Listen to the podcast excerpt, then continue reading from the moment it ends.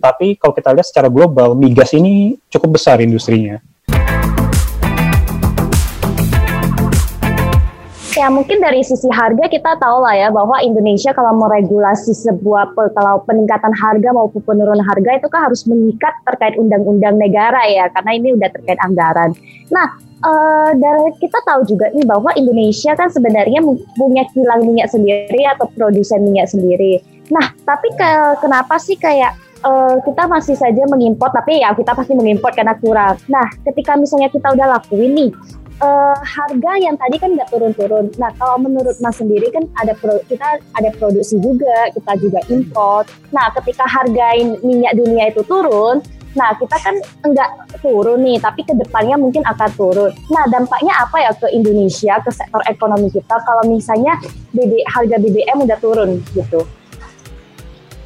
Oke, okay, kalau misalkan harga BBM turun, um, hmm ada beberapa faktor nih pertama-tama. Jadi um, kalau kita lihat dari sisi ekonomi secara realnya gitu ya, maksudnya jadi ekonomi kita secara keseluruhan, karena kita itu importir minyak, uh, kalau misalkan ekonomi dalam kondisi normal gitu, harusnya kita benefit. Gitu. Kenapa? Karena benefit. BBM okay. ini mendukung pertama kan mendukung daya beli masyarakat ya. Kalau harga BBM turun berarti mm. Ya inflasi bisa turun dan apa namanya kita bisa punya um, uang tambahan ya, berarti uang penghematan dari BBM gitu maksudnya. Mm. Kemudian kalau kita lihat dari sisi dunia usaha juga harusnya positif karena uh, e, BBM ini kan komponen beban ya bagi perusahaan-perusahaan pastinya, terutama mungkin perusahaan yang di, Betul sekali. yang sangat mengandalkan alat berat gitu misalkan ini kan menjadi komponen mm. Uh, biaya produksi atau komponen beban bagi mereka. Nah kalau misalkan harga BBM-nya itu turun, ini harusnya jadi positif karena beban bagi mereka kan jadi berkurang ya gitu. Jadi kalau secara um, ekonomi kita melihatnya sih kalau harga BBM turun dalam kondisi normal ini bisa uh, positif sebetulnya bagi ekonomi. Oke, oke Mas. Berarti tadi kan kata Mas positif nih kalau di sektor. Tapi kita tahu nih bahwa sekarang exchange rate kita, exchange rate kita terhadap USD kan kita membeli minyak terha- uh, dengan USD ya, USD dollar itu kan yeah. walaupun harga minyak naik tapi exchange kita itu melejit mas. Nah sebenarnya kalau di dari sisi kebijakan ini berarti kan udah kebijakan fiskal ya mas ya bahwa hmm. apakah ini menguntungkan juga di sektor ekonomi kita? Um, Oke okay, ya, jadi kalau misalkan kita bicara rupiahnya melemah gitu ya, jadi maksudnya mm, di, di minyaknya kan lebih mahal gitu maksudnya ya. Mm um, kalau kita lihat sih year to date ini rupiah melemah mungkin sekitar 7 persen.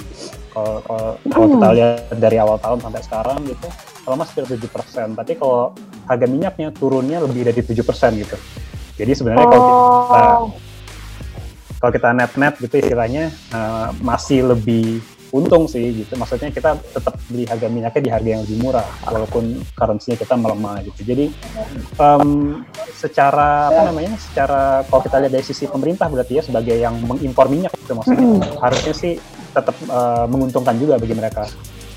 Jadi kita bisa impornya okay. lebih murah gitu ya harusnya.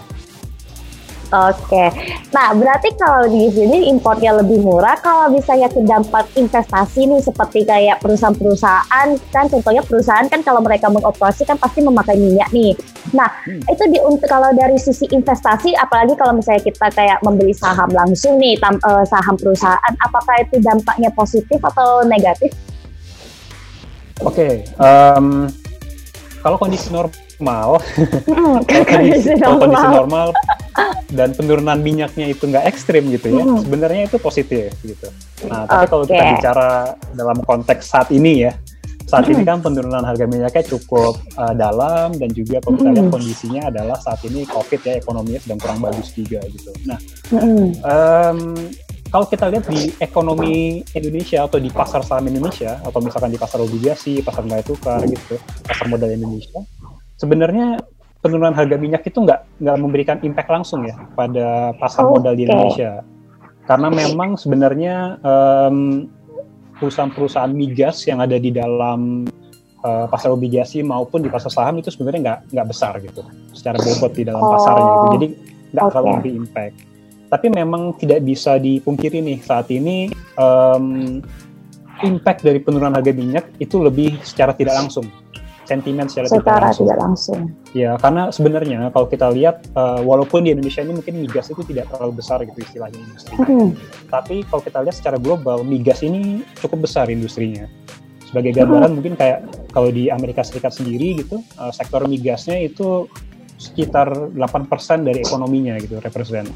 Hmm. Jadi cukup besar dan itu baru di Amerika Serikat ya. Maksudnya kalau di negara-negara lain seperti Saudi Arabia pasti akan lebih besar lagi proporsinya terhadap ekonomi sendiri. Oh. Nah, jadi okay. saat, saat ini ada kekhawatiran nih. Jadi kalau misalkan um, harga minyaknya itu lemah terus gitu ya, sangat rendah. Mm. Takutnya ini bakal mempengaruhi sektor migas yang di, di luar negeri. Gitu. Jadi mungkin ada gagal oh. bayar utang, kemudian perusahaannya mm. takutnya bangkrut. Dan mm. kalau kita lihat nih kayak misalkan Arab Saudi ya, Arab Saudi itu kan sangat bergantung pada minyak. Betul betul. Supaya negaranya itu istilahnya fiskalnya balik modal gitu ya, untuk mereka mm. bisa fiskalnya tetap balance gitu budgetnya mereka itu harus harga minyaknya di level sekitar 80 dolar. Sekarang kan harga okay. minyak 20 dolaran gitu. Jadi sebenarnya iya. kalau di iya, kalau di harga sekarang Saudi Arabia tuh tekor pasti. Jadi fiskalnya pasti akan defisit terus gitu.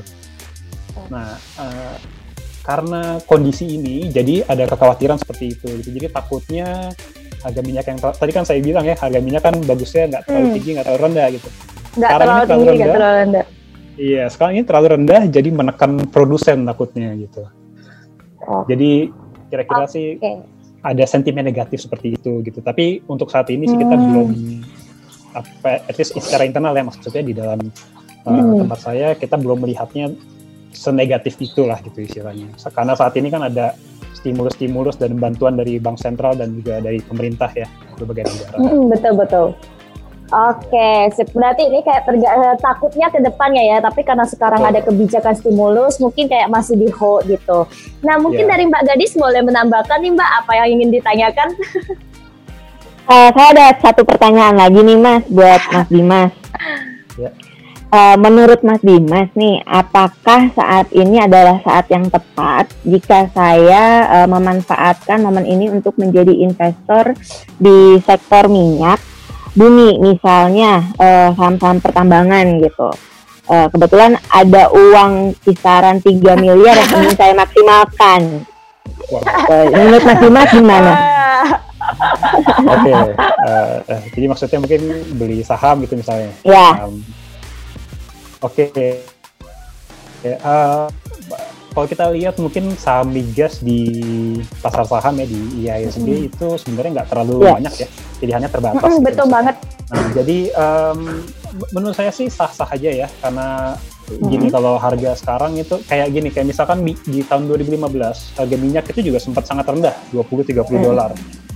Kemudian rebound ya ke 2018 sempat ke 80 dolar lagi gitu. Jadi uh, namanya komoditas, namanya ini kan sektor yang cyclical juga pasti akan ada cycle-nya. Jadi ketika lagi turun pasti akan hmm. nanti ada naik lagi gitu. Jadi menurut saya sih pemikirannya sah-sah saja ya. Jadi cocok sekali yeah. untuk kalau mau beli gitu. Tapi saran saya berhubung ini kalau perusahaan-perusahaan migas yang ada di dalam pasar saham di Indonesia ini kan yeah.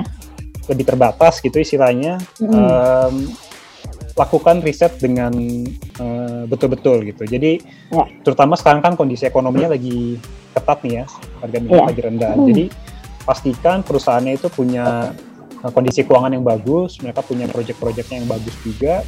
Jadi mereka tuh at least bisa melewati kondisi yang ketat seperti ini nih, kondisi ekonomi yang kurang bagus seperti ini gitu. Karena yeah. mak maksudnya kalau kita lihat misalkan oke okay, misalkan minyak harganya naik lagi gitu tahun depan gitu taruhlah. Tapi kalau perusahaannya nggak survive mm. saat ini kan juga percuma ya. Iya. Iya bener banget sih. Iya. Jadi jadi pastikan gitu um, sebelum membeli sahamnya, lakukan riset dulu terhadap perusahaannya, pastikan kalau kondisi keuangannya itu bagus, mungkin cash flow-nya bagaimana, uh, kondisi cash-nya seperti apa, dan lain sebagainya. Jadi uh, intinya pastikan perusahaannya itu bisa melalui kondisi yang susah saat ini gitu. ya, oke. Okay. Mas Dimas, makasih ya untuk uh, jawabannya dari pertanyaan saya. Saya balikin lagi ke Ale. Uh, teman paling penting dalam berinvestasi adalah jangka waktu gitu jangka nah, jadi waktu. kalau ya semakin panjang jangka waktu kita semakin optimal juga semakin tinggi juga potensi return yang bisa kita capai